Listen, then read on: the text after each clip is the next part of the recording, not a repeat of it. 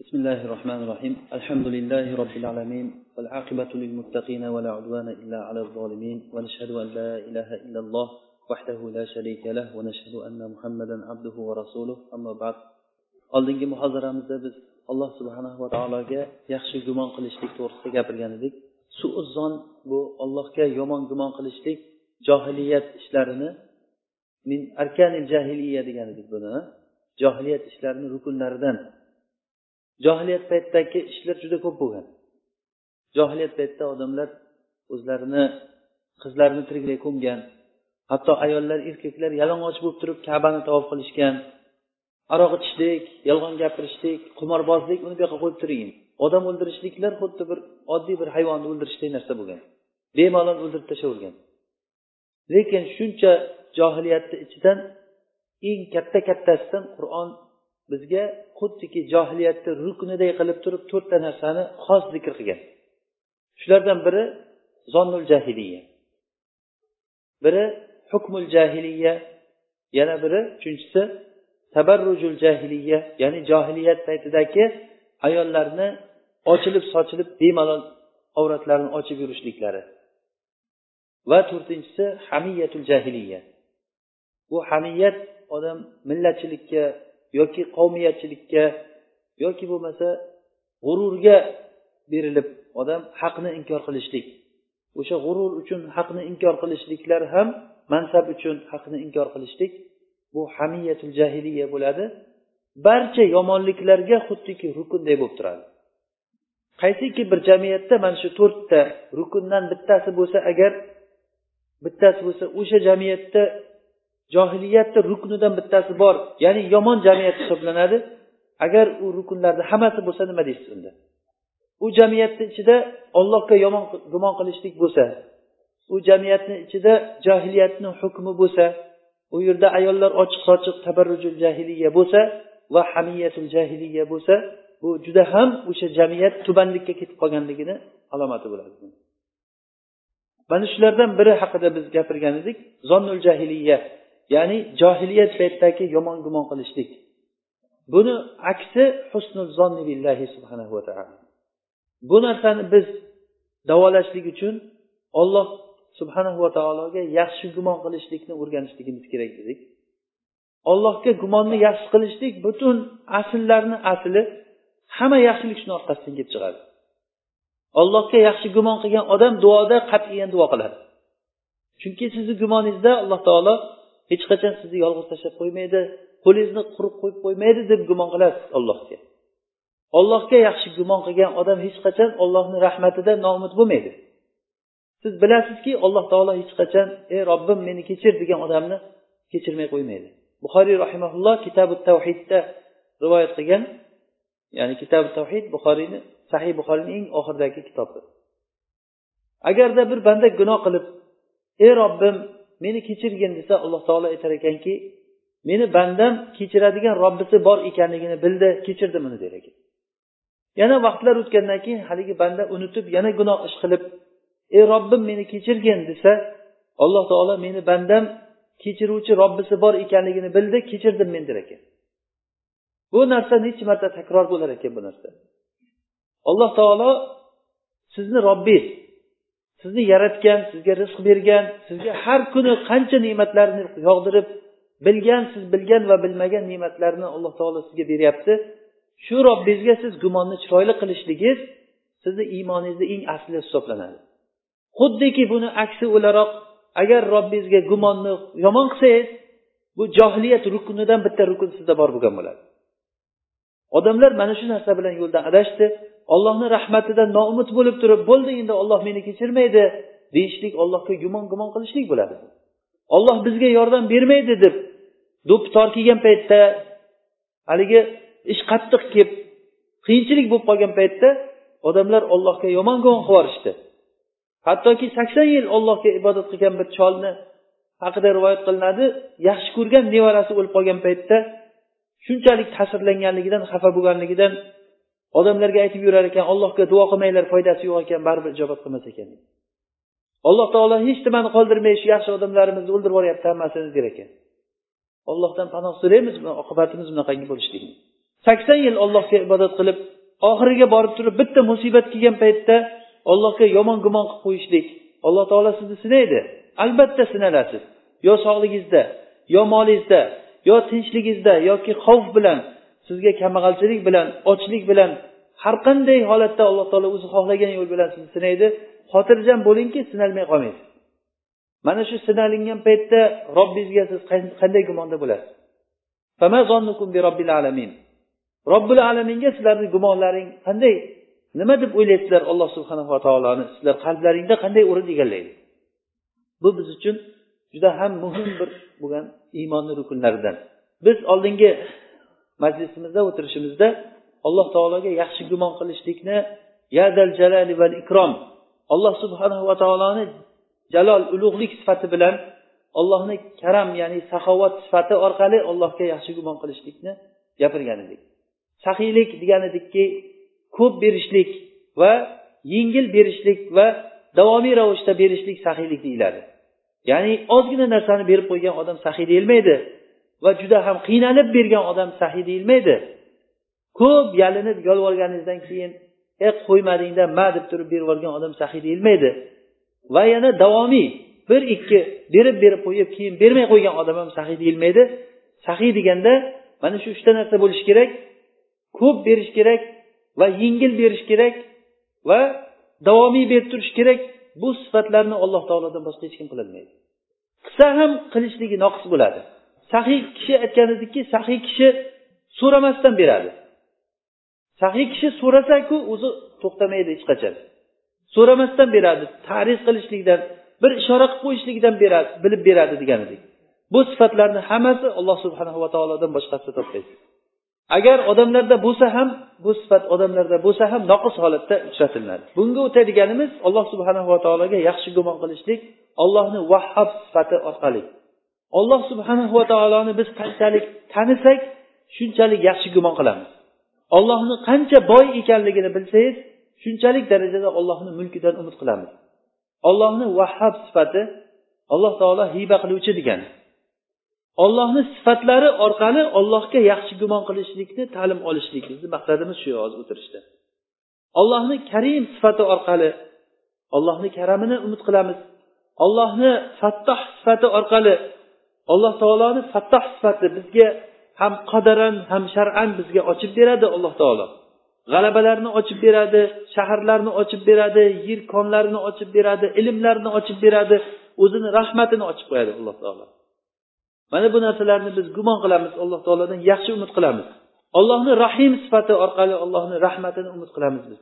Yaxshi gumon qilamiz alloh subhanava taolodan bugungi o'tirishimizda alloh subhanava taoloni vahhob sifati orqali allohga yaxshi gumon qilishlik. O'zi hiba degani bu fiqh kitoblarida hiba to'g'risida ko'p gapiriladi. Hiba u nima u hibani shartlari bu fiqh bobida o'rganiladigan narsa. Lekin biz o'rganadigan tomon hibani boshqa tarafdan o'rganamiz. Hiba deganda o'zi aslida hiba atoun bila vala ag'roz deyiladi. Hiba degani sovg'a qilish degani hech qanday evazsiz va maqsadsiz berilgan narsa hiba deyiladi. Evazsiz va maqsadsiz berilgan narsa hiba deyiladi. Bu narsani olloh subhanava taolodan boshqa hech kim bunday ish qilmaydi odamlar hiba qiladi lekin nima uchundir hiba qiladi? Eng yaxshisi odamlarni eng yaxshisi ollohni rahmatini savobni umid qilib turib hiba qiladi. O'shalar ham nima uchundir qiladi? Eng yaxshi odam إنما نطعمكم لوجه الله. لا نريد منكم جزاء ولا شكورا. Biz sizlarga deydi mo'minlarni maqtagan paytda alloh taolo biz sizlarga sizlarni taomlantiramiz deydi boylar musulmon boylar kambag'allarga. Ollohni vajhi uchun qilamiz. Biz sizlardan na bir jazoni na bir shukur qilishlikni biz umid qilmaymiz. Odamlar jazo va shukurni umid qilmagan odam eng hibani eng cho'qqisiga chiqqan odam bo'ladi. Bizda eng saxiy degan odamlar ham mayli sizdan jazoni xohlamasin lekin shukurni xohlaydi. Shuncha yaxshilik qildim nomard rahmat demay ketdi deydi. Eshitib o'tirganlar ham ha qarang deb o'tiradi eshitib. Demak siz rahmatni kutyapsiz u odamdan rahmat deyishlikda e sizni maqtashligini kutasiz. Yo sizni oldingizda yuzingizga maqtash kerak yo borib turib orqangizdan maqtash kerak shuni xohlaysiz siz. Haligi undan jazo xohlamasangiz birovga bir yaxshilik qilgan odam orqasidan bir hozirgi zamonda odamlar bu narsani tasavvur ham qilolmaydigan bo'lib qoldi. Birovga birov yaxshilik qilsa nima uchun yaxshilik qilyapti? Bu bekordan bekorga qilmayapti deydi. Hamma odamni o'ziga o'xshatadi. U chunki umuman umrida u xayoliga ham kelmaganki evazsiz birovga bir narsani berib yuborishlik umrida xayoliga ham kelmagan. Eng yaxshi bo'lgan mo'minlar olloh uchun beradi lekin olloh uchun beryapti uni ollohni huzurida menga katta mukofot bo'ladi deb beradi. Oysha roziyallohu anhu birovga bir ehson qilsalar agar o'sha xizmatchisiga aytar ekanki borgandan keyin shuni ehsonni berib quloq solib turgin nima deb duo qiladi? O'sha duosiga biz ham duo bilan qaytaraylik. Uni duosiga bizni duomiz biru bir bo'ladi bergan narsamiz savobga qoladi der ekan. Agarda sizga bir odam yaxshilik qilsa siz agar jazakallohu hayron desangiz uni mukofotlab qo'ygan bo'lasiz. Yaxshilik qilgan odamga javob berib qo'ygan bo'lasiz o'zi. U sizga va iyaka deb qaytarsa agar seni ham olloh yaxshilik bilan jazolasin desa uni duosi bilan sizni duoyingiz biru bir bo'ladida boyagi bergan narsangiz nima bo'ladi? Olloh uchun qoladi. Eng yaxshi odamlarni qilayotgan ishi bu. Oysha roziyallohu anho birovga bir narsa bersalar mana shunday qiladi. Odamlar beradi lekin aksar odamlar bergan narsasida nima uchundir beradi? Uni oldida obro' olishlik uchun yoki odamlar oldida obro' olishlik uchun to'yga to'yona qiladi ertaga men to'y qilsam meni ham to'yimga odamlar bir narsa bermay qo'ymasin deb. To'yana qildirib o'sha to'yanani yozdiradi. Faloncha faloncha so'm berdi. Hatto masjidga bergan pulini yozdiradi. Shuncha pul berdi deb o'qib berish kerak. U albatta mikrofonda o'qilishi kerak. Faloncha hoji shuncha pul berdi masjidga deb. Mana bu odamlarni qilayotgan hibasi qanday bo'lyapti? Aslida u kimni narsasini beryapti u berayotgan odam? Aslida kimni narsasini beryapti? Mulk kimniki? Ollohni mulkini berib kimga maqtov olmoqchi? O'ziga maqtab bu xudbinlikku bu. Ollohni bergan narsasini berib o'zini maqtalishligini xohlagan odam birovni kiyimini kiyib turib odamlarga maqtangan odamga o'xshamaydimi?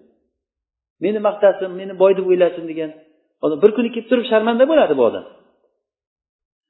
Demak hiba deganda hech qanday evatsiz va hech qanday maqsadsiz birovga bir yaxshilik qilishlikni hiba dedik. Bu narsaga olloh subhanahu va taolodan boshqa hech kim bu narsaga qodir bo'lolmaydi. Imom hattobiy rahimaulloh aytgan ekanlar alloh taoloni yolg'iz o'zigina har qanday holatda har qanday holatda yaxshilik qiladi. Insonlar kasal odamga shifo berolmaydi farzandi yo'q odamga farzand berolmaydi balolangan odamni balosini ochib yuborolmaydi odamlar. Hech kim hech kimni qo'lidan kelmaydi bu narsa. Har qancha boy bo'lgan taqdirda agarda kasalga shifo berishlik qo'lidan kelganda boylar o'lmasligi kerak. Siz ko'rasizki eng o'zi tezroq o'layotgan odamlar puli ko'p odamlar boylar bo'ladi. Uni o'zi pulini o'zi bir tomondan kemiradigan uni sog'ligiga zarar berayotgan narsa bo'lib turadi. Demak hiba degani evazsiz beradigan narsa dedik buni ollohdan boshqa hech kim qilolmaydi.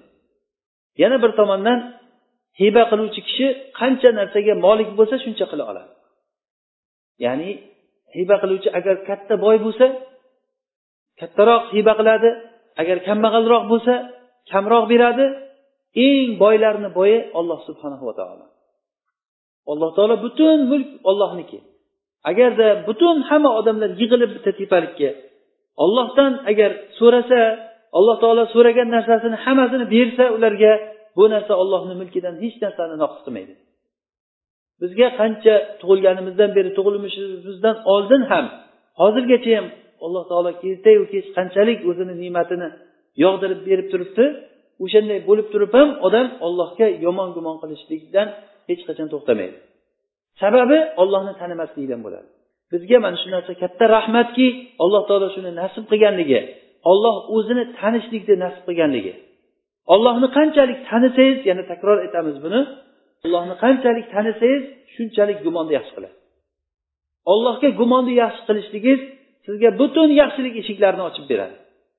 Ko'p duo qilishligingiz ollohni yaxshi ko'rib qolishligingiz bu narsalarni hammasi ollohga yaxshi gumon qilishligingizdan bo'ladi.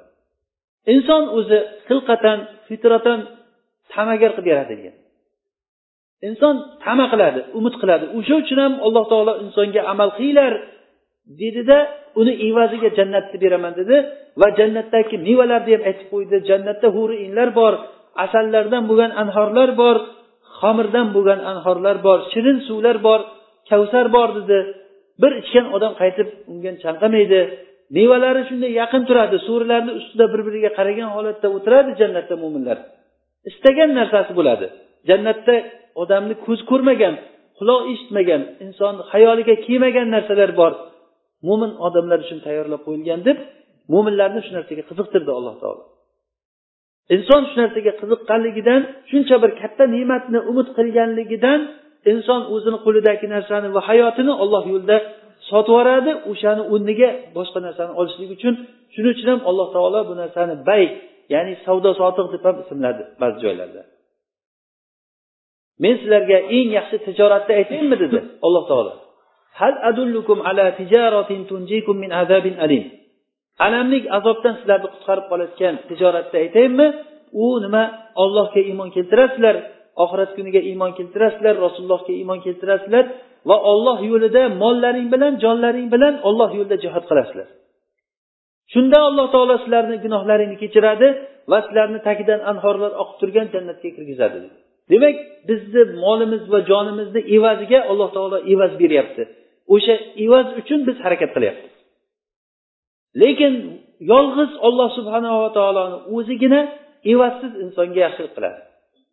Sizni nima yaxshiligingiz borki alloh taolo sizga yaxshilik qilyapti.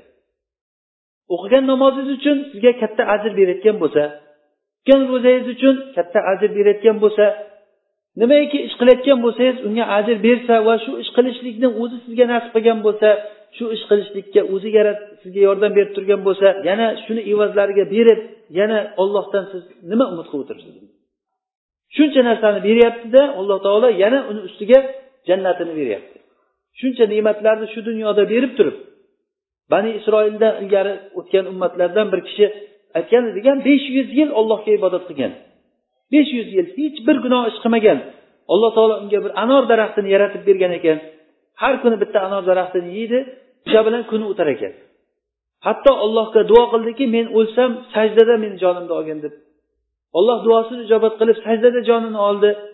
Maloikalar osmonga yerga chiqqan paytda uni jasadini ruhini osmon bilan yerni o'rtasida muallaq turgan holatda ko'rar ekan. Ajablanar ekan maloikalar kim ekan bu? Qanaqa banda ekan bu? deb hayron bo'lar ekan. Qiyomat kuni bo'lganda alloh taolo o'shani olib kelar ekan. Bo'ldi bandam men rahmatim bilan seni kechirdim jannatga kirgin desa meni rahmating bilan kirgizmagin meni adolating bilan kirgizgin der ekan.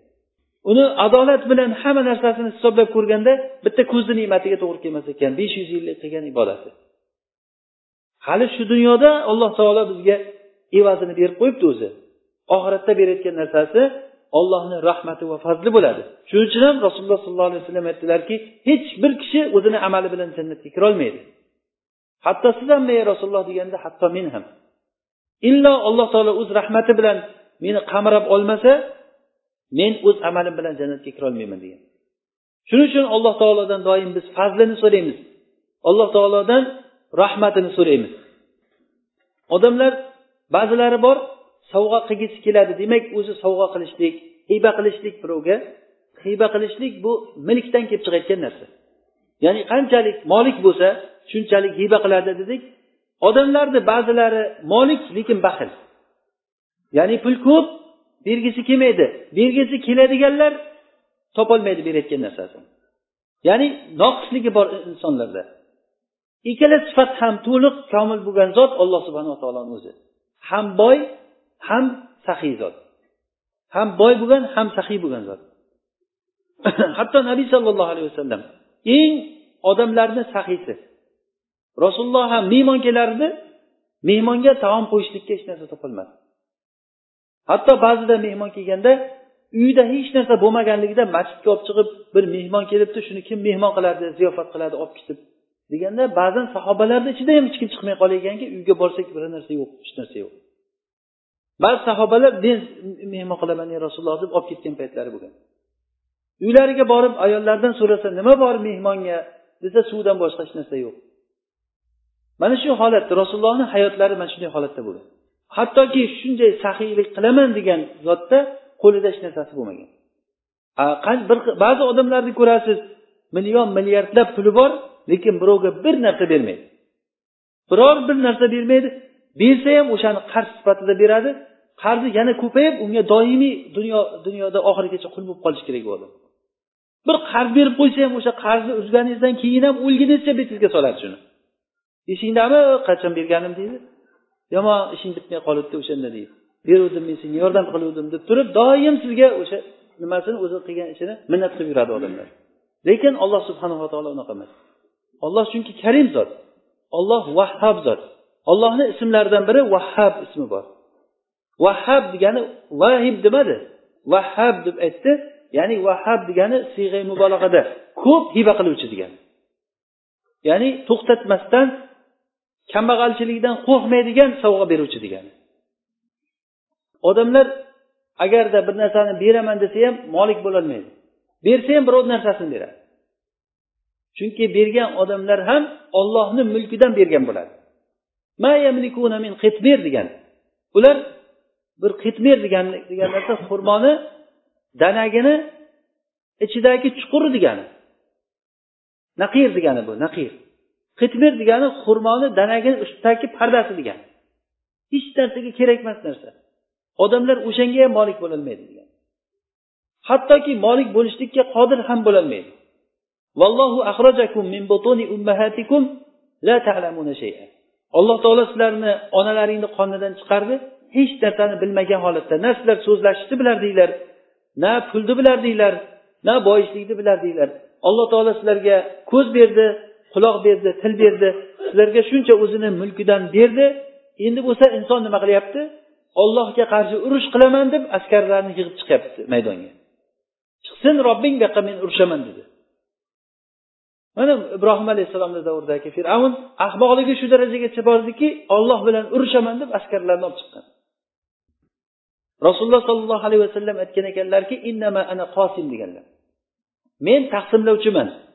Alloh taoloni o'zi beruvchi olloh beruvchi men taqsimlovchiman degan. Demak hibada eng oliy darajaga yetib borishlik nuqtasi inson o'zini taqsimlovchi deb ko'rib qoladi.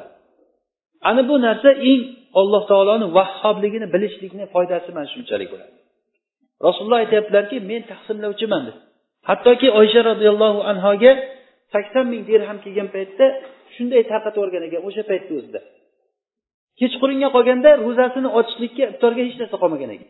Shunda joriyasi aytgan ekanki olloh sizni rahm qilsin bir ikki dirham olib qolmabsizda ikki dirham shu bilan iftor qilardik go'sht go'sht olardik shu bilan deganda eslatmabsanda shuni degan ekan. Hattoki o'zi esdan chiqib ketib qolgan. Ya'ni ollohni bergan mulkini bu meniki emas bu ollohniki hamma bandalarga deydigan holat bu bir daraja. O'sha bandalarni ichida o'zini sherik qilishlik. Ya'ni meni qo'limdagi molga hammamizniki shu deb men ham o'zi odamlarni sherigiman deyishlik bu bitta daraja bundan ham yuqorirog'i o'zi esdan chiqib ketishligi. Ya'ni berib berib berib hammaga bergan paytda o'zi esdan chiqib ketib qoladi. Hozir odamlarni qo'liga pul tushsa o'zidan boshqa hamma narsa esdan chiqib ketib qoladi? Hech kimga biror bir narsa bermaydi. Hattoki sizlarga alloh taolo mulkidan bersa ya'ni odamlarga la deb sifatlaydi alloh taolo ularni. Odamlarga bir naqirni ham bermaydi. Naqir degani arablar juda yam tushungan lug'at bo'lgan bu. Xurmoni ichidagi danagini chuqurchasi. Shuni ham bermaydi odamlarga. Agar odamlarga qo'yib bersangiz shuni ham bermaydi. Bo'lmasa u nima kerak bo'lmasa shu narsa? Bittasi shu xurmo yeb o'tiribdi deydi xurmoni yeb yeb danagini otib yuborar ekan yonida quli o'tiribdi ekan. Quli o'sha danagni shimaykan shimaganda ham qarab turar ekan ko'p shimib yuborsa qo'ymas ekan hayvonga qolmay qoladi. Undan ortganini hayvoniga berish kerak. Bir marta yutib yuborgan ekan danagini rosa so'kkan ekan boyagi qanaqa kalla boramsan sen shu donangni yutib yubording ikkinchisini yutib yubording boya ham bir yutib yuboruvdi bu rosa so'kkan ekan. Shunchalik darajada odamlarga qo'yib bersangiz mana shunday darajaga chiqadi. Rasululloh sollallohu alayhi vasallam men taqsimlovchiman deganlar. Taqsimlovchi hattoki qancha futuhatlar bo'lgan qancha g'animatlar kelgan o'sha paytda rasululloh sollallohu alayhi vasallam odamlarga taqsimlab tashlagan hattoki bir arobiy kelib turib rasulullohni kuzatib turganda rasulullohni holatlarini ko'rib qavmiga borib aytgan ekan ey qavmim bu odamga iymon keltiringlar bu odam kambag'alchilikdan qo'rqmaydigan odamni sadaqasida sadaqa qilar ekan degan. Ya'ni u bilgan o'zi rasulullohni sifatini ko'rgandan keyin. Kambag'alchilikdan qo'rqmaydigan odamni holatida sadaqa qiladigan degan. Umar roziyallohu anhuni qissasida aytib berildiyu molini yarmini olib kelgan. Abu bakr molini hammasini olib kelgan. O'zingga nimani qoldirding deganda olloh va rasulini qoldirdim degan. Bola chaqasiga olloh va rasulini qoldirdim degan. O'zini o'sha mo'minlarni ichidagi bitta odam deb ko'rgan. Mana bunday holatga yetib kelishlikka nima sabab bo'lgan? Alloh subhanahu va taoloni vahhob ekanligi ularni qalbiga singib bo'lgan. Agar biz shuni narsani agar yaxshilab o'zimizga singdira olsak kambag'alchilikdan qo'rqmaymiz biz. Bizni ummat kambag'alchilikdan halok bo'lmaydi inshaalloh. Chunki ochlik paytini rasululloh sollallohu alayhi vasallam ko'rsatib bergan. Odamlarni buzilib ketishligi ayollarni fohisha bo'lib ketishligi bu yetar yetmaslikdan muhtojlikdan bo'lyapti deb o'ylamang buni. Bu fosiqligidan o'zlarini fojirligidan bo'lyapti bu narsa. Rasululloh aytganlarki men sizlarniga faqirlikdan qo'rqmayman deganlar. La alaykumul faqr men sizlardan faqirlikdan qo'rqmayman sizlarga dunyo konlarini ochilib ketishligidan qo'rqaman dedilar. Odamlar agarda mana shu sifat ularni qalblariga yaxshilab singsa shu holatgacha chiqadi inshaalloh. Uni misolini keltiravering sahobalardan qancha misol keltirsak arziydi bunga. Abu bakrni misoli oysha onamizni misoli rasululloh sollallohu alayhi vasallam o'zlaridan hayotlari shundan iborat bo'lgan. Hammasini yig'ishtirib qarasak shunga borib taqaladiki alloh taoloni vahhob ekanligi ularni qalbiga to'liq o'tirib bo'lgan. Olloh shunchalik zotki evazsiz hech nima qilmasangiz ham olloh hech nima sizdan umid qilmasdan shunday beruvchi zot. Agar shuni yaxshilab bilsangiz so'rasangiz ollohdan so'raysiz yordam so'rasangiz ollohdan yordam so'raysiz.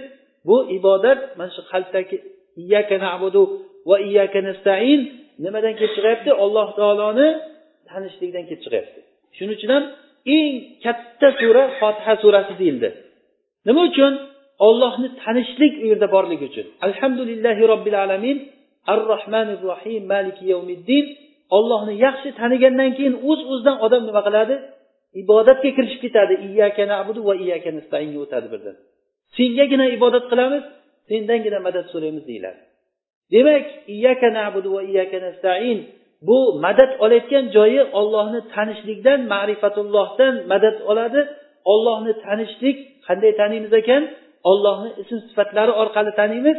Shu bugungi kun o'rganadiganimiz ollohni vahhob sifati orqali ollohni hiba qiluvchiligini taniganimizdan keyin o'z uz o'zimizdan umidimiz ollohga bog'lanadi. So'rasak ollohdan so'rayotgan bo'lamiz.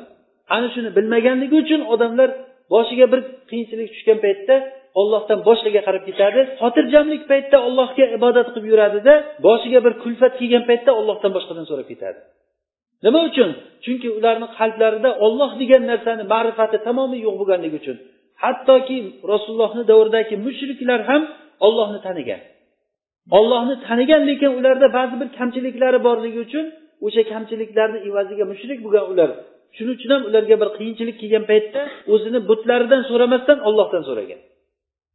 Ikrimat ibn abi jahl rasulullohdan qochib kemaga mingan paytda kema iztirobga tushgan paytda kema sohibi aytgan ekanki duo qilinglar osmondagi ollohga duo qilinglar yerdagilari bugun yordam berolmaydi degan. Abu jahl ikrima aytganki bu nima uchun bu nima ibodat qilib yuribmiz bizlar bularga desa yo'q ular bunday paytda ular yordam berolmaydi faqat osmondagi kishi yordam beradi degan. Osmondagi zot agarda bunday paytda yordam berolmasa unaqa ilohni menga keragi yo'q. Vallohi agar quruqliqqa omon chiqsam muhammadni oldiga boraman undan kechirim so'rayman u albatta meni kechiradi degan. Rasulullohni oldiga kelgan va tavba qilgan tavbasi go'zal bo'lgan rasululloh kechirgan u kishini islomi haqida ko'p narsalar rivoyat qilinadi. Demak alloh taoloni tanish juda ham katta bir biz uchun muhim narsa. Hayotimizda katta bir o'zgarish beradigan narsa bu. Ollohni agar vahhob sifati orqali tanisak ollohni hiba qiluvchi sovg'a qiluvchiligini yaxshi bilsangiz umidingiz ollohdan boshqaga bog'lanmay qoladi. Sahl ibn abdullah tustariy rahimaulloh aytgan ekanlar seni kim maqtaydigan bo'lsa sendagi ollohni sovg'asini maqtagan bo'ladi. Sizni maqtagan odam sizni chavandozligingizni maqtaydi. Kim berdi chavandozlikni sizga olloh berdi. Agar sizni bir ilmingizni maqtaydigan bo'lsa sizga ilmni kim berdi? Olloh berdi. Demak siz xursand bo'lmang meni odamlar maqtayapti deb. Olloh sizdagi ollohni bergan sizdagi mavohiblarni sovg'alarini maqtayaptimi? Demak beruvchisiga shukur ayting. Ana shuni yaxshi tushungan odam odamlar maqtagan paytda tumshug'i ko'tarilib faxrlanib ollohni esdan chiqarib qo'yishlik emas bal bilaks alloh taoloni qattiq yana allohga yolvoradi. Shuning uchun ham rasululloh sollallohu alayhi vasallam sayyidul xalq eng robbisini yaxshi tanigan zot makkaga fath bo'lgan paytda makkaga kirib kelganda boshlari egarga tegib qolay deb kirib kelgan. Tavoziada. O'zi odatda bunaqa paytda agar podshohlar bunaqangi joyda kirib kelsa qanday ekansizlar hammalaring ha meni chiqarib yuboruvdinglar o'ldiraman degding topki hammasini bu yoqqa chaqir bu yoqqa deydigan holatda bo'lardi o'zi. Yo'q rasululloh unday demaganlar. Hattoki makka ahlini yig'ishtirib kelgan paytda sizlarga endi men nima qiladi deb o'ylaysizlar? deganda makka ahli bir ovozdan ahun karim ibn ahin karim degan. Sen karim o'zi jiyanimizsan karim jiyanimizni o'g'lisan sen. sahiysan bilamizki sen kechirasan degan. Rasululloh aytdilarki bo'ldi ketaveringlar hammalaring ozodsizlar degan. Izhabu fa degan. Haqli edi ularni olib kelib turib bitta bitta dorga osishlikka haqli edi o'sha odamlar. Rasulullohni o'ldiraman deb yotgan joylariga o'ldirishga haqli emasdi o'zi. Ular hech qanday o'zlarini qonuni bo'yicha ham haqqi yo'q edi o'ldirishlikka. Qancha musulmonlarga ozor berdi qancha urushdi ular. Boshqa odamlarni atrofdagi odamlarni iymon kelishligidan qanchalik man qildi ular. Hammasi o'limga haqli odamlar edi. Lekin rasululloh hammalarini izhabu deganlar. Hammalaring ozodsizlar ketaveringlar degan. Bu sifatni kim qila oladi bu ishni? Robbisini yaxshi tanigan odamgina qila oladi. Agar ollohni yaxshi tanigan odam ollohni yaxshi tanigan odam odamlar sizni maqtagan paytda u odam faxrlanmaydi bu odam. Chunki odamlar sizni maqtagan paytda nimani maqtaydi? Sizdagi ollohni hibatini maqtaydi. Sizdagi ollohni hibasini maqtasa siz nimaga faxrlanasiz? Balki nima qilish kerak? Ollohga hamd aytishlik kerak. Aytib o'tdikki bu hiba saxovatdan kelib chiqayotgan narsa. Biz oldingi majlisimizda saxovat haqida gapirgan edik. Qanchalik darajada karami keng bo'lsa shunchalik darajada saxovati uni hibasi katta bo'ladi. Sulaymon alayhissalomga bilqis ya'ni saba shahrini podshosi malika bilqis hadya yuborgan hadya yuborganda qani ko'ramiz agar podshoh bo'layotgan bo'lsa hadya bilan xursand bo'ladi agar payg'ambar bo'layotgan bo'lsa bu hadyaga e'tibor bermaydi deb o'sha bilqis ham yaxshi bilgan shu narsani katta hadyalarni yig'ib sulaymon alayhissalomga jo'natgan paytda sulaymon alayhissalomga bu hadyalar yetib kelgan paytda فلما جاء سليمان قال أتمدونني بمال فما آتاني الله خير مما آتاكم بل أنتم بهديتكم تفرحون menga sizlar dunyodagi mol bilan menga o'zlaringcha yaxshilik qilmoqchimisizlar ollohni bergan narsasi sizlar bergan narsadan ko'ra menga yaxshidir degan. Hattoki unga ko'rsatib qo'yishlik uchun malikaga dunyoni mana bunaqangi bo'ladi deb turib aytganki tez kelsa meni oldimga mo'min bo'lib kelsa kelsin bo'lmasa men unga qattiq bir jazo beraman deb qo'rqitgandan keyin u malika bo'pti bormasam bo'lmaykan deb turib yo'lga chiqqan paytda sulaymon alayhissalom o'tirgan majlisida aytdilarki kim borib shuni taxtini yerga olib kelib qo'ya deganlar. Bir jin aytganki men mana shu majlisingizdan turguncha uni qasri yerga olib kelib qo'yaman arshini taxtini. deganda bir ilm berilgan kishi uni kimligi aytilmagan. Aytilgan isroiliyatlarda uni kimligi bir ilm berilgan olim kishi aytadiki men ko'z ochib yumgunizcha uni olib kelib qo'yaman deydi. Aytishlaricha ollohni ismi azam duosini biladigan duosi mustajob kishi bo'lgan ekan. Ollohga bir duo qilganda oldida boyagi hozir bo'lgan arshi. Haligi malikani o'tiradigan taxti shu yerga kelib qolgan. Shunda sulaymon alayhissalom aytganki bu menga bergan ollohni fazli meni olloh imtihon qilishlik uchun berdi. Ashkuru am akfur qani shukur qilamanmi yo nonko'r bo'lamanmi? Kim shukur qilayotgan bo'lsa o'zi uchun shukur qiladi. Kim nonko'r bo'layotgan bo'lsa fa inna robbi karim degan. Meni robbim boy karim zot uni shukurga muhtoj emas degan. Demak kim shukur qilayotgan bo'lsa o'zi uchun shukur qiladi. Sizga alloh taolo o'zini mulkidan bergan bo'lsa o'zini mulkidan bergan bo'lsa shu mulkini siz shukur qilib yaxshilikka siz sarflayotgan bo'lsangiz o'zingiz uchun qilgan bo'lasiz. Kim qilayotgan bo'lsa o'zi uchun qiladi. Kim saxovat qilayotgan bo'lsa o'zi uchun saxovat qiladi. Alloh taolo hech qanday sizni qilayotgan yaxshiligingizga sizni qilayotgan ibodatingizga hojati yo'q. Hattoki ba'zi bir kishilar odamlar bir so'rab kelgan paytda o'sha berolmaganligiga xafa bo'lishgan. Alloh taolo biz aytdikki o'zi saxiylik bu hiba milkdan kelib chiqadi dedik.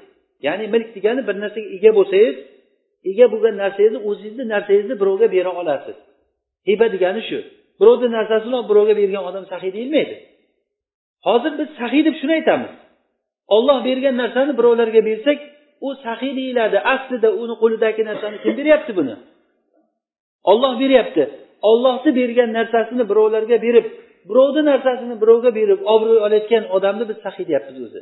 Biz aytayotgan saxiylar shular. Aslida eng saxiy kishi beruvchi zot ollohni o'zi. Chunki mulk ollohniki imom shofiy rahimaulloh u kishiga ba'zi bir so'rovchilar kelib bergan narsani bizga olloh yo'lida bir narsalar bergin desa berolmaganligiga xafa bo'lganligidan bir she'r yozgan ekan ya lahti ala malin ajudu bihi على المقلين من أهل المروءات إن اعتذاري إلى من جاء يسألني ما ليس عندي لمن إحدى مصيباتي meni oldimga bir narsalar so'rab kelib so'ragan odamlarga berolmaganligim menga katta musibat degan o'shanga ichi achir ekan u kishini birov so'rab keldi o'sha so'ragan odamga bir narsalarni berolmadim deb Bu ollohu somatni alloh taolo ko'rsatishlik uchun qilgan bu ishni ya'ni aytamizki kimdir bergisi keladi lekin yo'q. Kimdir bor lekin berolmaydi baxil. Odamlar mana shu ikkita narsani o'rtasida. Illa man robbiy juda kamchilik odamlargina kamchilik odamlargina ular olloh bergan narsasidan hiba qilib ollohni yo'lida beradigan odamlar juda ham kam odamlar ular. Odam bir joyda ko'p vaqt tursa qalbi qorayib ketar ekan. Odamni qalbi qorayib bag'ri tosh bo'lib qolishligidan sababi bir holatda ko'p turishlik bo'ladi.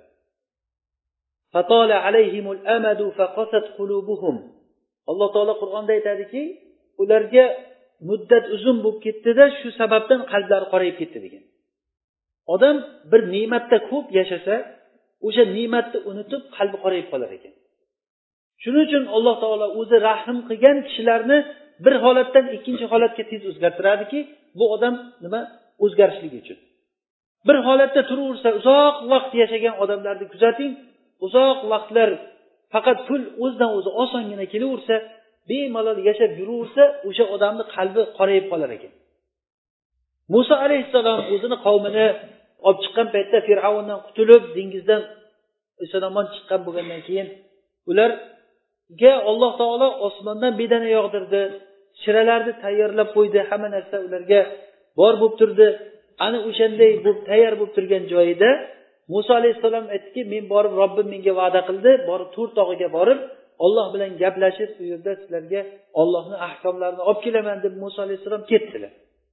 Muso alayhissalom o'ttiz kun va'da qilgan. Alloh taolo o'sha o'ttiz kun ketishligini borib o'ttiz kun ro'za tutdilar. Muso alayhissalom keyin o'n kun yana u kishiga alloh taolo qo'shib bergan qirq kun o'sha joyda qolib tavrot lavhlarga yozilgan holatda tayyor holatda tushgan u kishiga. Tavrot unda bani isroilga katta bir ne'mat bor edi bu tavrotda alloh taolo ahkomlarni xuddi bizni qur'onga o'xshash. Alloh taolo tarafidan tushgan bir ilohiy kitob bu. Tayyor yozilgan holatda tushgan. Shu kitoblarni olib tushguncha ular buzoqqa ibodat qilib ketgan. Buzoq bir tillodan bo'lgan buzoq ekan. Bunda ko'p rivoyatlar kelgan uzun rivoyatlar. U buzoq qanday bo'lganligi tillodan bani isroil o'zlari bilan birga chiqishligida o'sha misrdagi qo'shnilaridan taqinchoqlarini omonatga olganlari bor ekan. Ularni olib chiqqandan keyin bu omonatga olgan narsalaringni egalariga endi berolmaysizlar. Bu narsalar sizlarga halol bo'lmaydi. Hammasini olib kelinglar bir joyga qo'yib yoqib yuboramiz deb horun olib kelib turib hammasini bir chuqurga tashlab olovga yoqib yuborgandan keyin tillalari erib bir buzoq shaklida bo'lgan keyin u buzoqni ichidan havo kirsa buyog'idan chiqadigan bo'lgan o'sha bilan xuddi molni bo'kirganidek ovoz chiqar ekan ye bundan ovoz chiqyapti deb odamlar sajda qilib yuborgan bu qanaqangi bir baxtsiz bir ahmoq qavm bo'ldiki hali oyog'i qurimasdan turib buzoqqa ibodat qilib o'tiribdi. Hayron qolasizmi shu odamlarni ahmoqligiga? Hozir odamlarni ichida ulardan ham ko'ra ahmoq odamlar bor.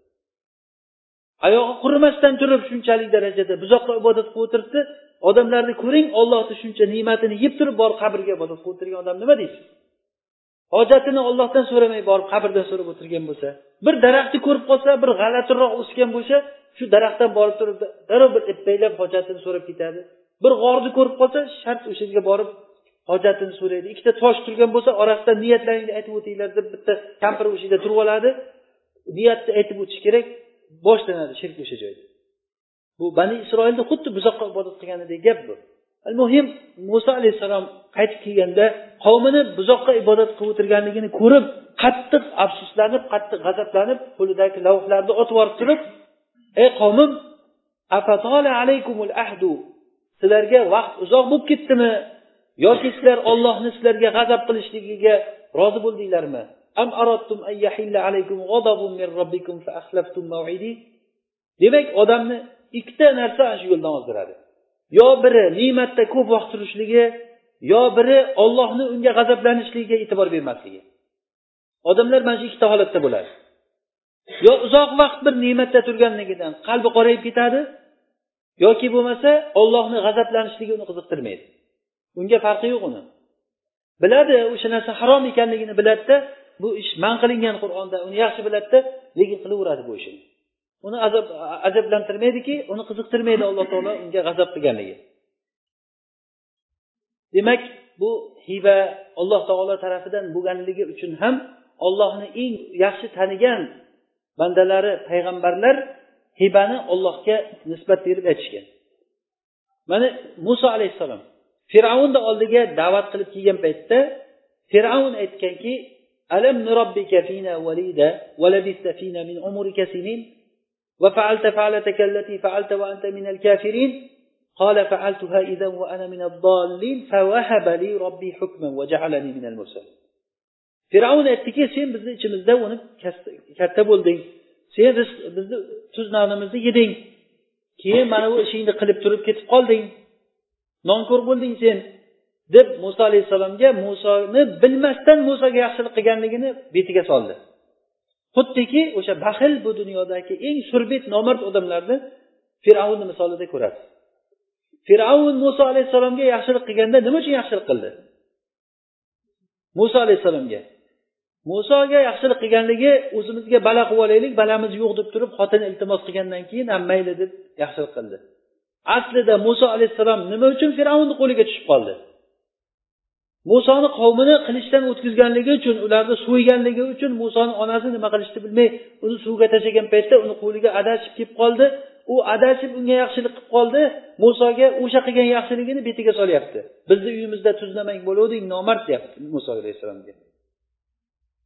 Sen nonko'rlardan bo'lding va anta minal kafirin dedi muso alayhissalomga. Muso aytdiki men bu ishni qilgan bo'lsam u kishi haligi qibitingni bir urib o'ldirib qo'yganligini aytgan.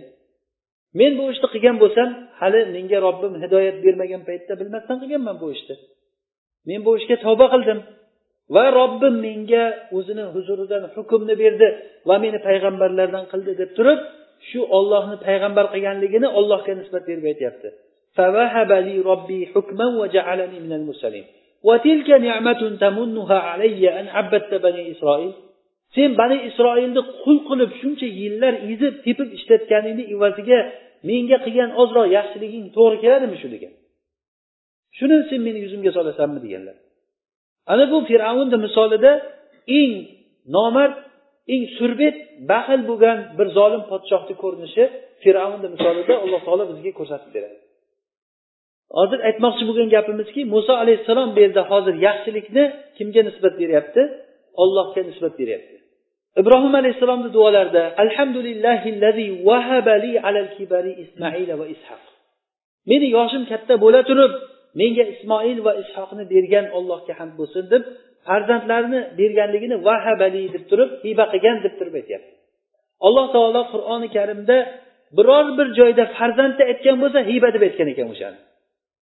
Chunki farzand bu olloh taolo tarafidan ota onasiga berilayotgan alloh taolo tarafidan berilayotgan sovg'adan boshqa narsa emas bu.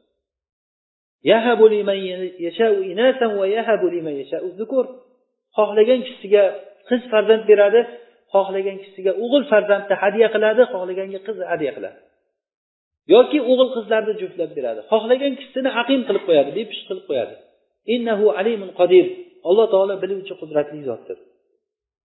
Zakariya alayhissalom robbi habli min ladunka zurriyatan tayyiba degan.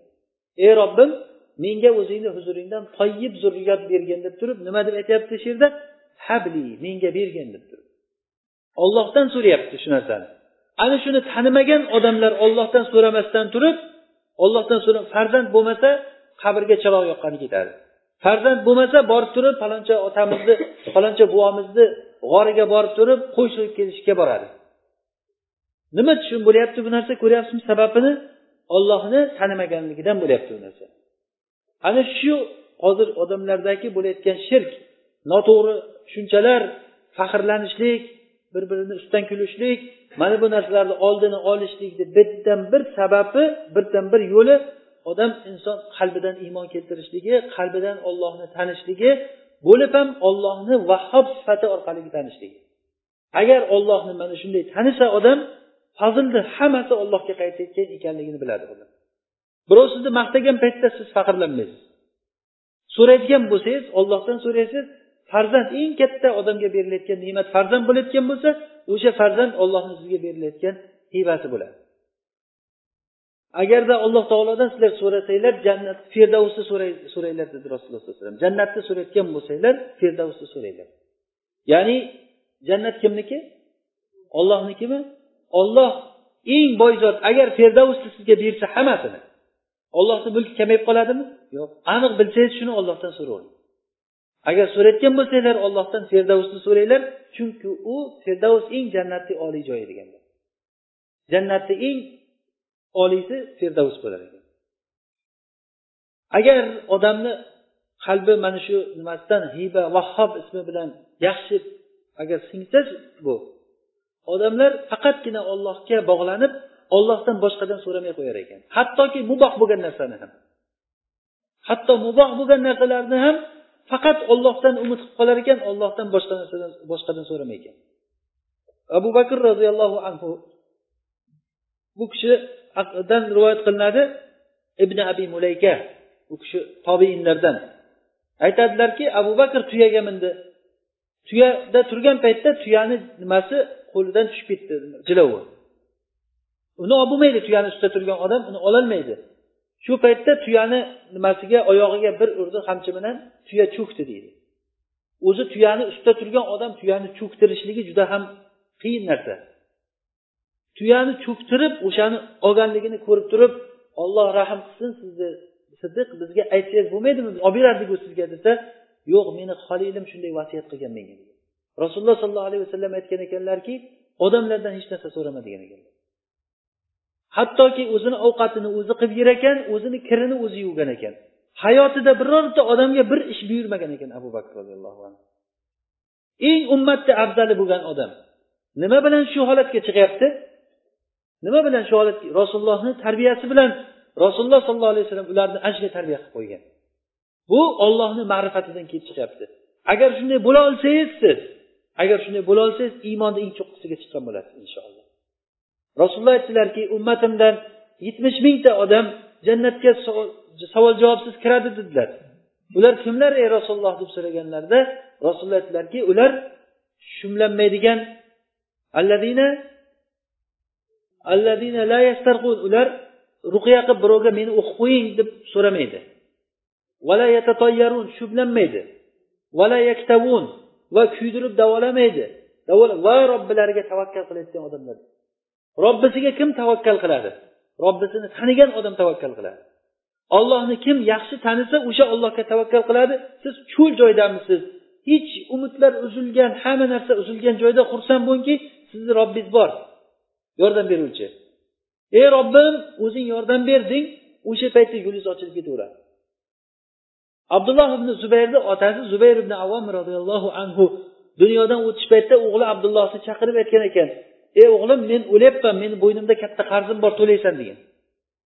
Shu qarzlarimni bo'ynimga olasanmi? deganda bo'ynimga olaman degan. Qancha desa bir million ikki yuz ming qarzi bor ekan. Bir million ikki yuz ming qarzi bo'lgan. Bo'ldi ota o'zim to'layman degan. Otasi o'lgandan keyin amakisi kelib turib aytgan ekanki otangni qarzi bor deb eshitgandim qancha qarzi bor ekan desa yuz ming degan ekan. O'zi asli qancha? Bir million ikki yuz ming bo'lgan ehe eh, eh, shuncha qarz tashlab ketdimi sizlar bo'yinlaringga degan. Ikki yuz ming bo'lsachi deganda ikki yuz ming bo'lsa sizlarni yomon holatda tashlab ketgan bo'ladi otang degan. To'rt yuz ming bo'lsachi desa to'rt yuz ming bo'lsa umuman to'layolmaysanku degan. Shunda indamay qo'ygan ekan shuncha qarzi bor demagan. Agar qiynalib qolsang mendan ham yordam so'ra degan. Amakisi yordam qo'limdan kelgancha yordam beraman degan. Lekin men aytmoqchi bo'lganim o'sha zubayr ibn avom o'lish paytida ota o'g'liga aytganki ey o'g'lim agar qiynalib qolsang meni mavlomdan so'ra degan ekan. Qiynalib qolsang mavlomdan so'ra. Hech hayolimga kelmabdi shu paytda men. Mavloyingiz kim ey ota? deb so'rasam mavlom olloh deb aytdi degan. Olloh mavlom meni olloh keyin u kishi o'lganlaridan keyin o'g'li abdulloh qarzini berishga kirishgan. Qaysi bir joyda ishim bitmay qolsa ey zubayrni mavlosi yordam ber yerim ochilib ketaverardi yo'lim degan siz mana shu narsani xayolingizga keltiringki sizni tepangizda mavloyingiz bor. Alloh taolo mo'minlarni mavlosi alloh taolo iymon keltirgan odamlarni mavlosi biz ollohga yaxshi gumon qilaylik olloh bizga mavlo deb turib bilaylik bu gumonimiz yaxshiligidan kelib chiqadi. Nimaga o'zingizni ollohdan olib qochasiz alloh taolo hech kimga bir qarindoshchiligi yo'q birov ollohga yaqinroq birov uzoqroq degan narsa yo'q. Olloh o'zini huzuridan tanlab olib ibrohim alayhissalomga shuncha mulkni berdi. O'zini huzuridan tanlab olib muhammad sallallohu alayhi vasallamga shuncha sayyidul xalqqa berdi risolatini berdi. U kishini ma'sum inson qildi. Bizga o'zini fazlidan bermaydimi alloh taolo? Albatta alloh taolo inshaalloh o'zini fazlini beradi. Bunga gumoningizni yaxshi qiling. Agar gumonimiz yaxshi bo'lsa alloh taologa siz qanday gumon qilsangiz shunday topasiz. Alloh taolo hadis qudusida aytadiki ana inda abdi bi. Men bandamni menga bo'lgan gumonidaman. Demak siz ollohni qanday gumon qiling? Shunday topasiz. Alloh taolo bizni mavlomiz alloh taolo biz qiynalib qolgan paytda yolg'iz qolgan paytimizda ollohga muhtoj bo'lib qolgan muhtojlik bo'lib qolgan paytimizda albatta allohni o'zi yordam beradi inshaalloh. Abu zar roziyallohu anhu aytar ekanlar meni xolilim rasulullohni aytgan paytda ular yaxshi ko'rganligidan xolilim deb aytgan. Ya'ni xolil degani arab tilida eng yaqin do'st xolil deyiladi. Eng yaqin do'st aytiladi. Meni xolilim menga yettita narsani vasiyat qilgan. Birinchisi miskinlarni yaxshi ko'rishlik. Shuni aytgan. Ikkinchisi dunyoda o'zimdan past bo'lgan odamga qarashlik deb buyurgan uchinchisi hech kimdan hech narsa so'rama deb aytganlar. Hech kimdan hech narsa so'rama deb aytganlar. To'rtinchisi qarindoshlar agar sendan yuzi ko'rib ketsa ham unga bordi keldi qilgin deganlar. Beshinchisi agar qanchalik achchiq bo'lsa ham haqni gapir deganlar. Oltinchisida ollohni yo'lida malomatchini malomatidan qo'rqmagin deganlar. Yettinchisida la havla va la quvvata illa billahni ko'p aytib yurgin deganlar. Chunki bu jannat konlaridan deganlar. Men kunuzi tahtil arsh ya'ni arshni tagidagi konlardan deyilgan. Arshni tagidagi konlardan deyilgan demak bu yerda hozir aytmoqchi bo'lganimiz uchinchisi hech kimdan hech narsa so'ramasligimni vasiyat qildi degan. Nima uchun hech kimdan hech narsa so'ramaslikni aytyaptilar? Buni nima keragi bor? Odamlardan sizni so'ramasligingizni rasulullohga nima keragi bor bu, bu narsani? Chunki so'ramaslikda ollohga bo'lgan taalluq hosil bo'ladi.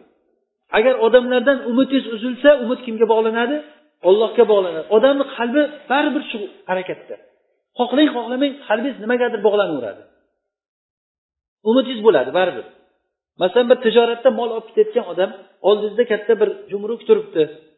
Nimagadir suyanishingiz kerak o'sha paytda. Yo o'sha jumrukda ishlayotgan bir tanishingiz bo'lsa yo hozir tushib qolsam kimga telefon qilsam ekan? Falonchaga aytsammikan pismojonchaga aytsammikan degan narsa ming xil narsa xayolingizdan o'tib ketaveradi. O'sha paytda biror marta esingizga keladimi robbimga bir aytsammikan degan narsa? Mo'min kishilar ana shu paytda ollohdan boshqadan so'ramaydi. وإذا استعنت فاستعن بالله واعلم أن الأمة لو اجتمعوا على أن ينفعوك لن ينفعوك بشيء إلا قد كتبه الله لك agar ummat sizga jamlansa ham sizga foyda beraman desa ham ollohni xohlagan foydasini bera oladi zarar beraman desa ham ollohni xohlagan zararni beradi qalamlar ko'tarilgan beruvchi ollohni o'zi oluvchi ham ollohni o'zi adi ibn hotim roziyallohu anhu u kishi nasroniy bo'lgan nasroniy bo'lib turib rasulullohdan qochib boshqa rum shaharlariga ketib qolgan ekan. Keyin yurib yurib esiga kelgan ekan. Adi ibn hotim u kishini tanisanglar xotamtoy degan kishi bo'lgan toy qabilasida xotamtoyni hamma biladi. Saxiylik bilan tanilgan kofir bo'lib o'lib ketgan odam bo'lgan kofir bo'lib o'lib ketgan odam hotamtoy degan kishi bo'lgan o'sha kishini o'g'li adi ibn hotim o'zini qavmini sayidi bo'lgan shu kishi rasulullohdan qochib rum shaharlariga ketib qolgan. Keyin yurib yurib esimga keldiki to'xta men nima qilib yuribman? Undan ko'ra oldiga boray. Gaplari yaxshi bo'lsa iymon keltirayin. Bu nima yurish deb rasulullohni oldiga keldim. Rasulullohni oldiga kelganimda madina ahli meni o'rab oldi hammasi. E adi keldi adi keldi deb turib odamlar o'rab oldi. Chunki u toy qabilasini podshosi bo'lgan. Kattalardan bo'lgan. Keyin rasulullohni oldiga kelganimdan keyin rasululloh meni ko'rib turib ey adi islomga kelgin salomat qolasan dedilar. Islomga kelgin salomat qolasan deganlarida men aytdimki men dinim bor o'zimda dedim. Sen din u kishi chunki nasroniy edi va nasroniy dinida mahkam turgan odam edi. Rasululloh aytdilarki sen rukusiy emasmisan dedilar. Rukusiy degani nasroniy bilan majusiy dinini aralashgani. Yoki bo'lmasa nasroniy dinidagi odam majusiy dinidagi ba'zi bir narsalar bilan o'zini diniga aralashtirib yuborgan bo'lsa o'sha rukusiy deyiladi. Sen rukusiy emasmiding? Odamlardan merbani oladigan ya'ni merbo degani ularni dinida odamlarni o'zini odatida agar shu qabila bir joyga hujum qilib u yerdan g'animat tushsa g'animatni to'rtdan birini sayyidiga berardi xolis unga hech nima qilmasa ham. Boshliqniki bo'lardi u. O'sha narsani sen olarding u senga halol emasku deganlar. Rasululloh aytdilarki men seni diningni sendan ko'ra yaxshiroq bilaman. Sen o'zing dindorman deysandan keyin qabila boshlig'iman deb turib tushgan merboni o'zingga olyapsan u senga halol emasku deganda shunday cho'kka tushib o'tirib qoldim degan. Adi. Ey adi seni bu islomga kirishlikdan man qilayotgan narsa meni atrofimdagi odamlarni kambag'alchiligi bo'lsa kerak degan. Rasulullohni atrofidagi odamlar hammasi faqir odamlar bo'lgan. Hatto abu hurayra qorni ochligidan hushdan ketib yiqilib yotgan paytlari bo'lgan. Odamlar meni tentak deb o'ylab turtib turtib o'tib ketardi degan. Buni bir bechorani bir musibati bo'lsa kerak deb musibatdan emas edi ochlikdan edi uni bilmasdi odamlar degan. O'shanday paytda ham hech kimdan hech narsa so'ramagan u kishilar. Hattoki men ko'chaga chiqib turib odamlardan bir savol so'rardim o'sha so'ragan savolimni undan ko'ra yaxshiroq bilardim o'zim.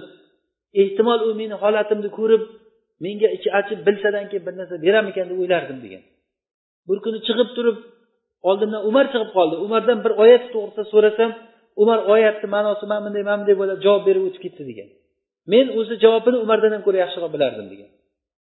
Keyin abu bakr kelib qoldi. Abu bakrdan so'rasam abu bakr ham javob berdida o'tib ketdi. Keyin rasululloh kelib qoldi ey rasululloh mana oyatni ma'nosi nima bo'ladi desam menga qarab bir kuldilarda yur bu yoqqa degan. Uyga olib borib turib rasululloh uni ziyofat qilganlar. Mana shu rasulullohni atrofida yurgan odamlar faqir odamlar edi. Ey ali meni atrofimda yurgan odamlarni faqirligi seni qo'rqitayotgan bo'lsa hali shunchalik mol ko'payib ketadiki sadaqasini zakotini olayotgan odam qolmay qoladi deganlar. Zakotni odamlarga g'am bo'ladi men zakotimni kimga bersam ekan degan muammo chiqadi odamlarni ichida degan. Shunchalik zakotni berishga joy topolmay qoladi degan. Hali kisroni mulki bizniki bo'ladi deganlar. Shunda ali aytganki kisrobni hurmuzni aytyapsizmi kisrobni hurmuz o'sha paytdagi forsni butun dunyoni larzaga keltirgan forsni podshosi bo'lgan. Kisrobni hurmuzni aytyapman deganlar. Ana o'shani mulki bizni oyog'imiz tagiga tushadi bir kun kelib deganlar. Hali ko'rasan hirotni bilasanmi dedilar. Hirotni bilasanmi deganda bormaganman lekin eshitganman deganda o'sha hirotdan bir ayol chiqib turib kabani tavof qilib ketadi ollohdan boshqa hech kimdan qo'rqmagan holatda degan. Ya'ni shunchalik darajada xotirjamlik bo'ladiki hirot degan joydan bir ayol chiqib turib kabani tavof qilib qaytib ketadi ollohdan boshqasidan qo'rqmagan holatda degan. O'shanda u kishi islomga keldi ali. Islomga kelgan keyin aytadiki rasulullohni aytgan ikkita narsasini ko'rdim degan. Ikkita narsasi bu o'sha ikkita qizchani ikkita qiz bolani joriyani hech qanday mahramsiz hirotdan chiqib tavof qilganligini ko'rdim degan. Ayni rasulullohni aytgan gaplari kisrobni hurmus ularni nima qilib turib umar roziyallohu anhuni davrida fath qilib ularni boshlig'i hurmizonni boshiga toj kiydirib ustiga qubbasini haligi katta to'nini kiydirib musulmonlar oldinda asr qilib haydab kelgan. Umar roziyallohu anhuni xilofat davrida shunday tillolarini hamma narsasini olib kelib umarni oldiga uyib tashlagan. Umar qo'lida cho'p bilan chiqib turib haligi tillalarni shunday shunday titib aytgan ekan bu narsalarni bu yerga olib kelgan odamlar haqiqiy amin odamlar degan.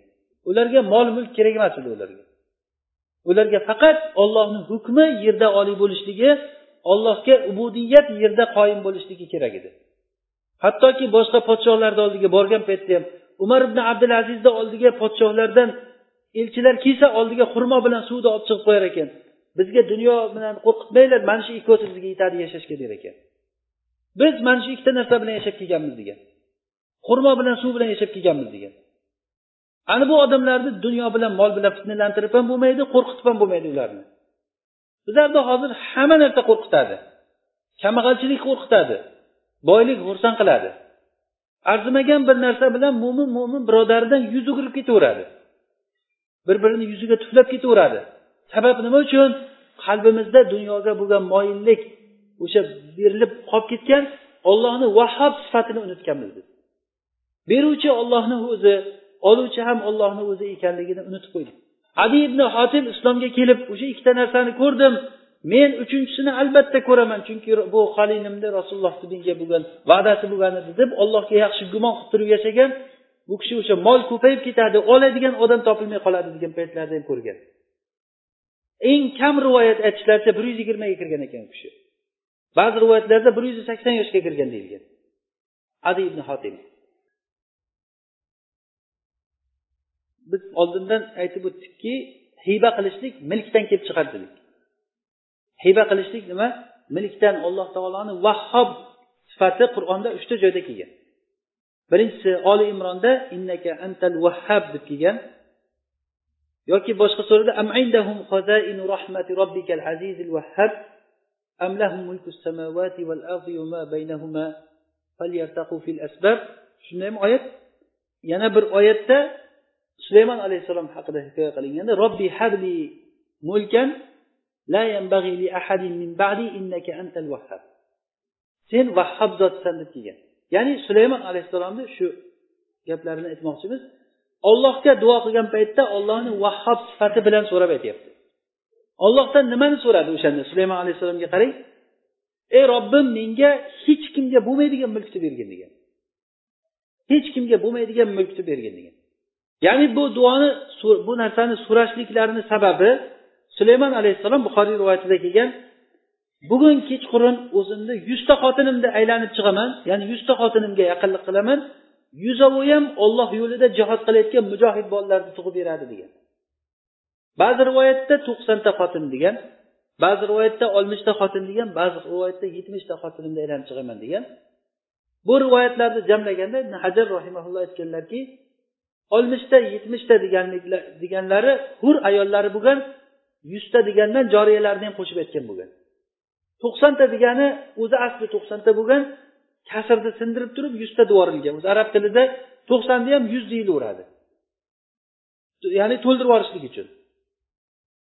Muhim ko'p xotin bo'lgan har qalay oltmish yetmishtadan ko'p bo'lgan ya'ni eng ko'pi yuzta.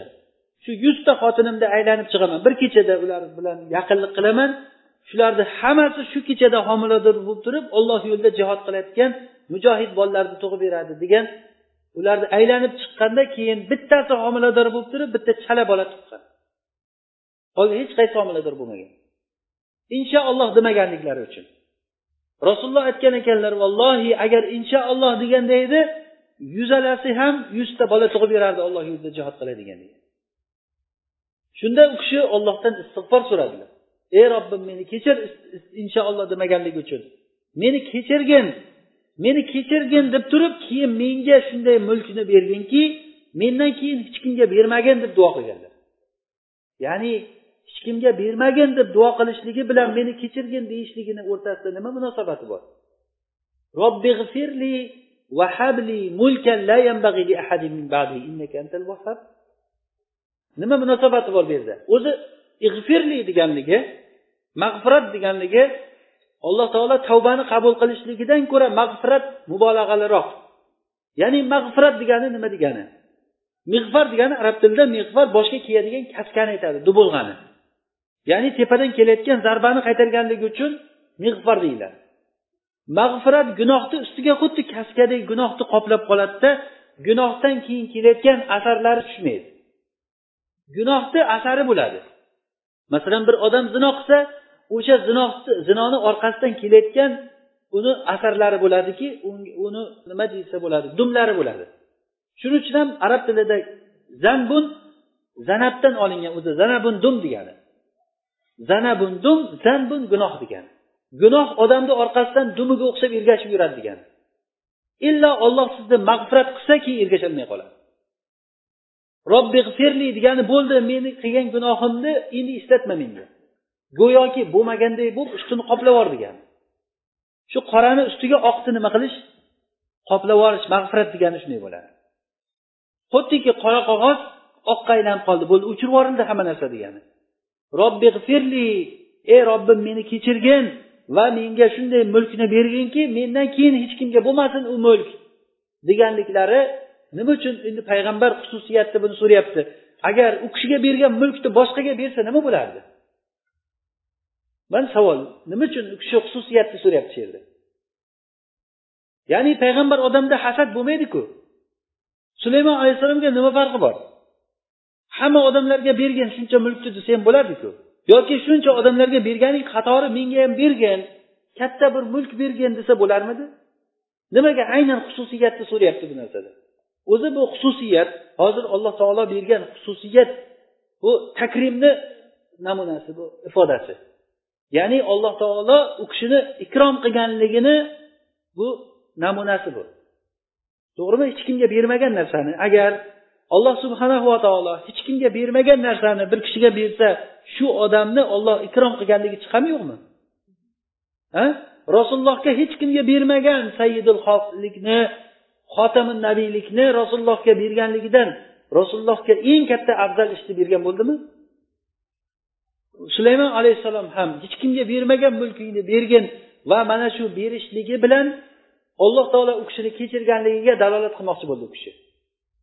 Ya'ni olloh meni kechirganligini bilishligim uchun men shunday katta bir narsani so'rayman. Agar alloh taolo shuni bersa demak meni kechirgan bo'ladi. O'sha paytda o'zida alloh taolo unga shunday mulkni berdiki jinlarni bo'ysundirib bergan ana shu narsani ba'zi biz aytmoqchi bo'lgan gapimiz boshqa yoqqa cho'zilib ketdi gapimiz. Sulaymon alayhissalom mana shunday holatdan so'radi. Inshaalloh demaganliklari uchun u kishiga sinov bo'lib turib bitta chala bola tug'ildi. Keyin u kishi ollohdan istig'for so'radi. Ollohdan katta bir mulkni so'radi. O'sha mulkni innaka antal vahhab deb so'rayapti sen vahhobliging uchun ber deyapti. Men falonchaligim uchun ber degan yo'q. Mana bu so'rashlikni bu odobi bu. Ollohdan narsani so'raysiz. Antal so'raysiz. Ey ollohim sendan biz so'raymiz. Sen saxovatlik saxovatpesha bo'lganliging uchun sen rahmlik bo'lganliging uchun so'raymiz. Ey robbim bizga bergin eshonligimiz uchun demaymiz. Bizga bergin hojiligimiz uchun demaymiz. Ana kaza deb so'ramaysiz. Chunki siz yaxshilikka umuman loyiq bo'lmaysiz. Olloh o'zi hiba qilgan paytda biz hibani boshidan aytdiku hiba degani hech qanday evazsiz hech qanday g'arazsiz berilgan narsa dedik ollohdan hech kimga berilmagan mulkni so'rashlik hech kimga berilmagan mulkni alloh taolodan so'rashlik ollohni vahhob sifati orqali so'ralinyapti. Innaka antal vahhab shuning uchun ollohdan bir narsa so'ramoqchi bo'lsangiz vahhob sifati bilan so'rang.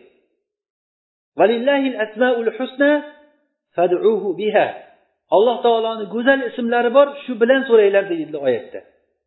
Ollohni ismlaridan biri bugun o'rganadiganimiz vahhob ismi. Mana shu vahhob ismi orqali alloh taolodan so'raysiz alloh taolo u kishiga jinlarni bo'ysundirib berdi shamolni bo'ysundirib berdi hech kimga bermagan. Shamollar jinlar shu u kishiga shuncha katta katta qurilishlarni qurib berardi. Hattoki o'lganlaridan keyin ham bir necha yil jinlar ishlagan. Bir necha yil jinlar jinlarga aytgan ekanki mana shu yerdan bitta katta qasr qurasizlar men sizlarga qarab turaman deb hassaga suyangan holatda shu yerda jon bergan.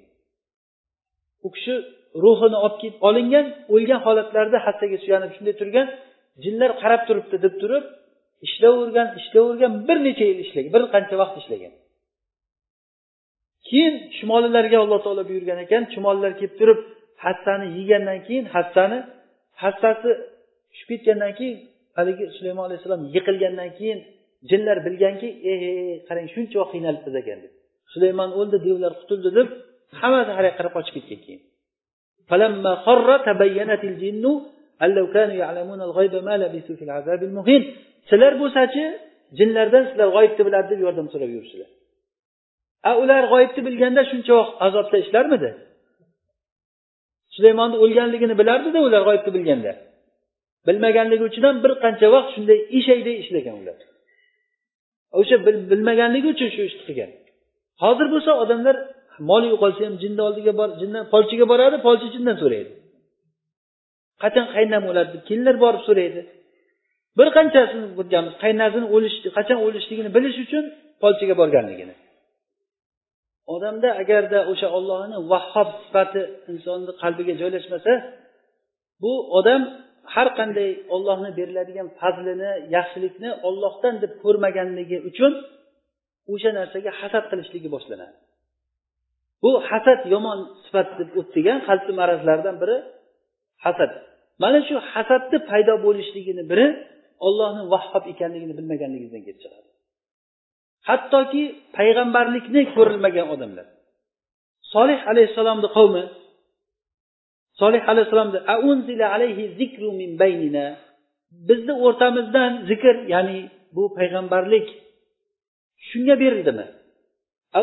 Alayhi zikru min baynina bal huwa bu kazzob bu odam deb turib solih alayhissalomni o'zlari bilardi. Ichida solih alayhissalomdan juda umidi katta edi ular. Bu bola katta bo'lsa bizga sayid bo'ladi bu bizni qavmimizni ko'kka ko'taradi deb turib qancha yaxshiliklarni umidini qilgan to'g'ri umid qilgan lekin ular. Haqiqatdan ham ularga katta baraka bo'ldi bu kishi. Lekin ularni o'zi o'sha narsaga yaramadi. U kishiga payg'ambar bo'ldim men degan paytda haligi boylari qavmini katta kattalari shunga bo'ldimi payg'ambarlik endi. Shuning uchun ham masalan bir ahli ilmlardan bir kishi borib turib odamlarni da'vat qilsa eng o'sha da'vatiga qarshi chiquvchi odamlar qalbi hasadga to'lgan odamlar bo'ladi. Chunki u ko'rolmaydiki unga berilmagan narsa bunga berilgan ekanligini ko'rolmaydi. Hatto rasululloh sollallohu alayhi vasallamga quraysh bizni o'rtamizda zikr ya'ni payg'ambarlik shunga berildimi deb turib rasulullohga aytgan. Bo'lmasa rasululloh ularni ichidagi eng sharafli odamlardan edi ular tan olardi buni. Bu muhammadul amin degan. Abu jahldan so'ralganda nimaga sizlar iymon keltirmayapsizlar bu kishiga? Payg'ambarligini bilmaysizlarmi yo yolg'onchimi bu? Deb arablardan bir kishi kelib so'raganda abu jahl aytgan ekanki alayhillani biz bilamiz buni payg'ambarligini degan. Nimaga iymon keltirmaysizlar bo'lmasa? desa biz oldin buni qavmi bilan bani hoshim bilan bizni qavmimiz xuddiki musobaqadagi otda edik. Bir marta ular o'tib ketsa bir marta bizlar o'tib ketardik. Ular qaysi bir yaxshi ishni qilsa bizlar undan ham oshirib qilardik. Shunday musobaqa turgan paytimizda ular bizdan payg'ambar chiqdi deb o'tirib qanday yetamiz endi ularga? degan. Vallohi bunga qarshilik qilamiz bizlar bilib turib o'sha ollohdan berilgan fazlni ko'rolmaslikdan u abu jahl la'nati bo'lib ketib qoldi. Olloh asrasin bu yomon narsadan bu kasallik odamni do'zaxga olib ketadi. Mana shu dard odamni qulatadigan narsa bo'ladi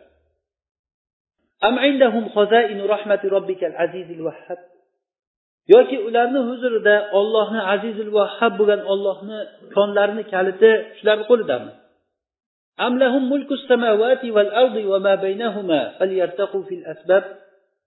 Ularda osmonlar va yerni mulki shularni qo'lidami? Ular aytdiki mana bu zikr ya'ni bu payg'ambarlik yo toifdagi yo qurayshdagi katta bir kishilardan ikkita odamdan bittasiga tushirilsa bo'lmaydimi? Nimaga muhammadga keldi dedi. Ahum yaqsimuna rahmat robbik. Ollohni rahmatini ular taqsim qiladimi?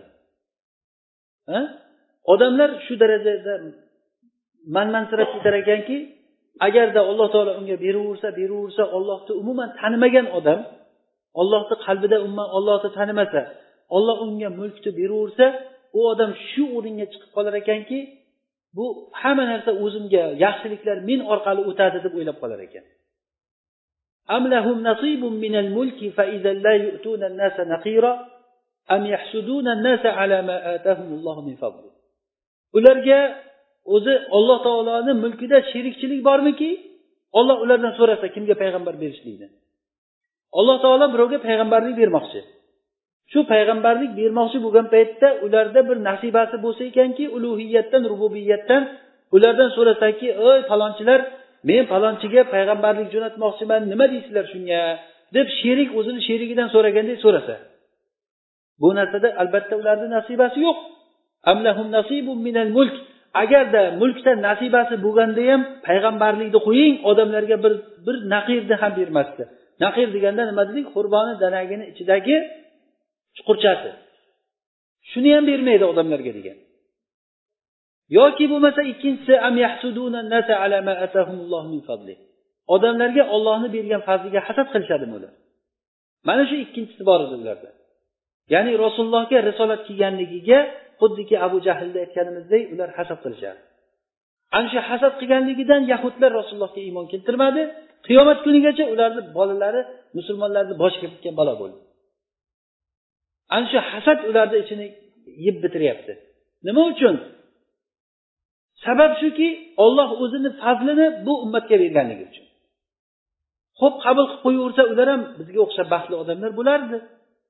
Yo'q u narsani xohlamayapti ularga yo'q bo'lsin bizlarga bo'lsin deyapti.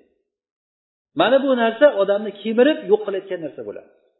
Ayollarni ichidagi rashkini olib tashlaydigan narsa ularni o'sha xotinlar o'rtasidagi bo'layotgan mojaro janjallarni eng katta to'polanglarni sababi biri.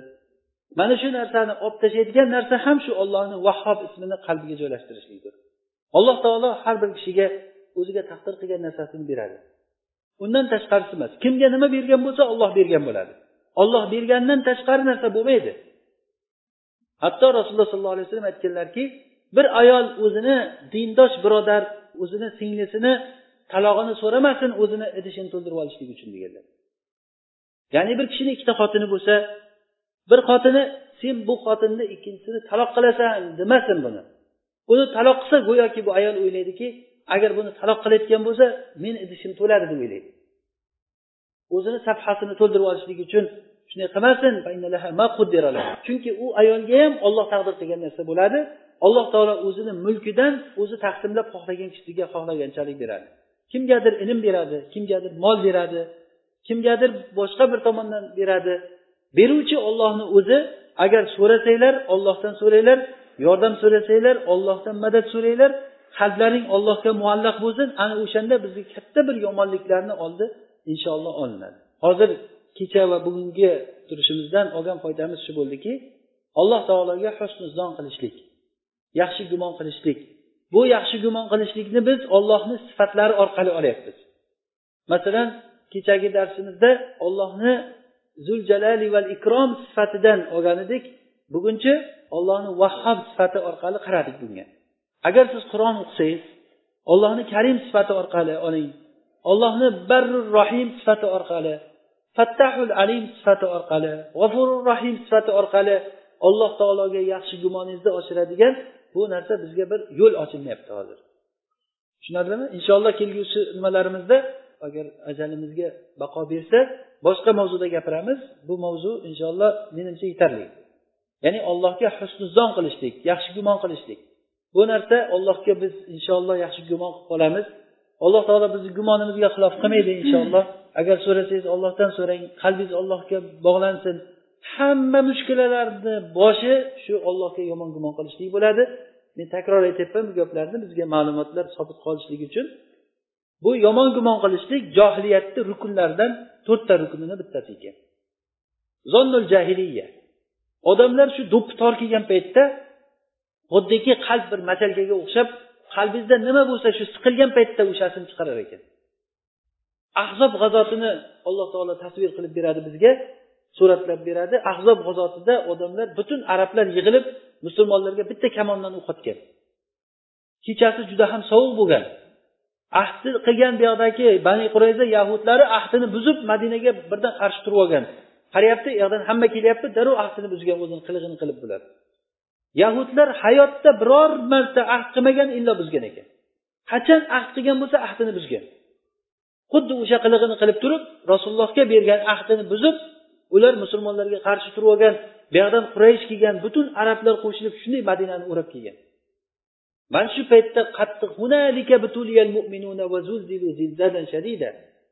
وإذ يقول المنافقون والذين في قلوبهم مرض ما وعدنا الله ورسوله إلا غرورا munofiqlar va qalbida maraz bo'lgan odamlar olloh va rasuli bizga yolg'on va'dalarni beradi ekan deb aytib yuborgan qiyinchilik bo'lgan paytda odamda olloh asrasin sizni ham mana shu narsa bo'lmasligi uchun aytilyapti bu gaplar qiyinchilik bo'lgan paytda yomon gumon qilib o'zizni oxiratingizni kuydirmang deb aytilyapti bu narsa. Kasal bo'larsiz balkim balkim bir yaxshi ko'rgan odamingizdan ajralarsiz har xil holatga tusharsiz albatta bo'ladi bu narsa. Bu narsa yomonlikni xohlash emas bu ollohni sunnatini aytish bo'lyapti chunki alloh taolo qur'onda aytadiki degan. Biz sizlarni albatta biz sizlarni sinaymiz degan. Lomi ta'kid bilan va nuni ta'kid bilan aytgan. Sizlarni albatta sinaymiz. Qo'rquv bilan qo'rqishlik bilan va ochlik bilan va bola chaqani nafslarni o'lishligi bilan moli dunyoni kamayishligi bilan sinaymiz degan. Demak biz sinalamiz. Albatta biz sinalamiz. Sinalmay qolmaymiz. Mana shu paytda sizni gumoningiz allohga chiroyli bo'lsin. Ana shu paytda agar qalbingizda zayiq bo'lsa qalbingizda ollohga bo'lgan tushuncha bo'lmasa ana shu paytda odam toyib xuddiki qalbida marazi bo'lgan odamlar gapirgan gapni gapiraveramiz shu bilan oxirati kuyib ketadi tamom إذ يقول المنافقون والذين في قلوبهم مرض ما وعدنا الله ورسوله إلا غرورا ko'ryapsizmi o'sha qalbida marazi bor bo'lgan odamlar olloh va rasuli sizlarga yolg'on va'da beradi deyordi bu narsalarni biz ko'rdik mana shu narsalarni ba'zi shaxslardan olloh beradi bir cholni nimasidir ajralib qolgan ekan. Ey otaxon xafa bo'lmang olloh beradi desa e olloh qayerdan beradi deb so'kinib gapiryapti. Bermaydi olloh deyapti. Achchiq kelganligidan ollohga ham shu gaplarni gapiraveryapti? Olloh asrasin. Bu hali yosh kattarib qolganda odamni qalbi ancha hech narsani uncha muncha narsani ko'tarolmayotgan bo'lib qoladi. Hozir yoshlik paytida odamni yoshlik payti bilan qariligini farqi bo'ladi. Qariganda odam gap ko'tarolmayotgan bo'lib qoladi. Qiladigan bo'lib qoladi. Yosh bolaga o'xshab qoladi yig'laydigan tez qo'rqadigan bo'lib qoladi. Ana shu paytda shayton judayam foydalanadi mana shu paytda. Illo u qalbini mustahkam qilib qalbiga ishlov bergan odamlargina olloh asragan odamlargina mana shunday qila oladi o'sha paytda. Siz qiynalgan paytlaringizda o'sha qalb siqiladi shu siqilgan paytda ichidagi agar maraz bo'lsa marazni chiqaradi yaxshilik bo'lsa yaxshiligini chiqaradi. Mana shu paytda pand berib qo'ymasin sizga. Bilim ilm ana shu payt foyda beradi. Bizni shayximiz ustozimiz aytardilar o'sha ilm odamda uchta joyda foyda beradi. Birinchisi fitna paytida. U aytganimiz mana shu holat. Fitna degani urush bo'lgan paytda yoki katta bir musibat kelgan paytda boshingizga qattiq bir qo'rquv kelgan paytda fitna bo'ladi odamga. Ana shu paytda ilmingiz bo'lsa qalbingizda shu foyda beradi ikkinchisi qabrda uchinchisi mahsharda turganda foyda beradi. Alloh taolo eshitgan narsalarimizdan foydalantirsin. mana shu narsalarga o'zi amal qilishlikni alloh taolo nasib qilsin سبحانك اللهم وبحمدك نشهد أن لا إله إلا أنت نستغفرك ونتوب إليك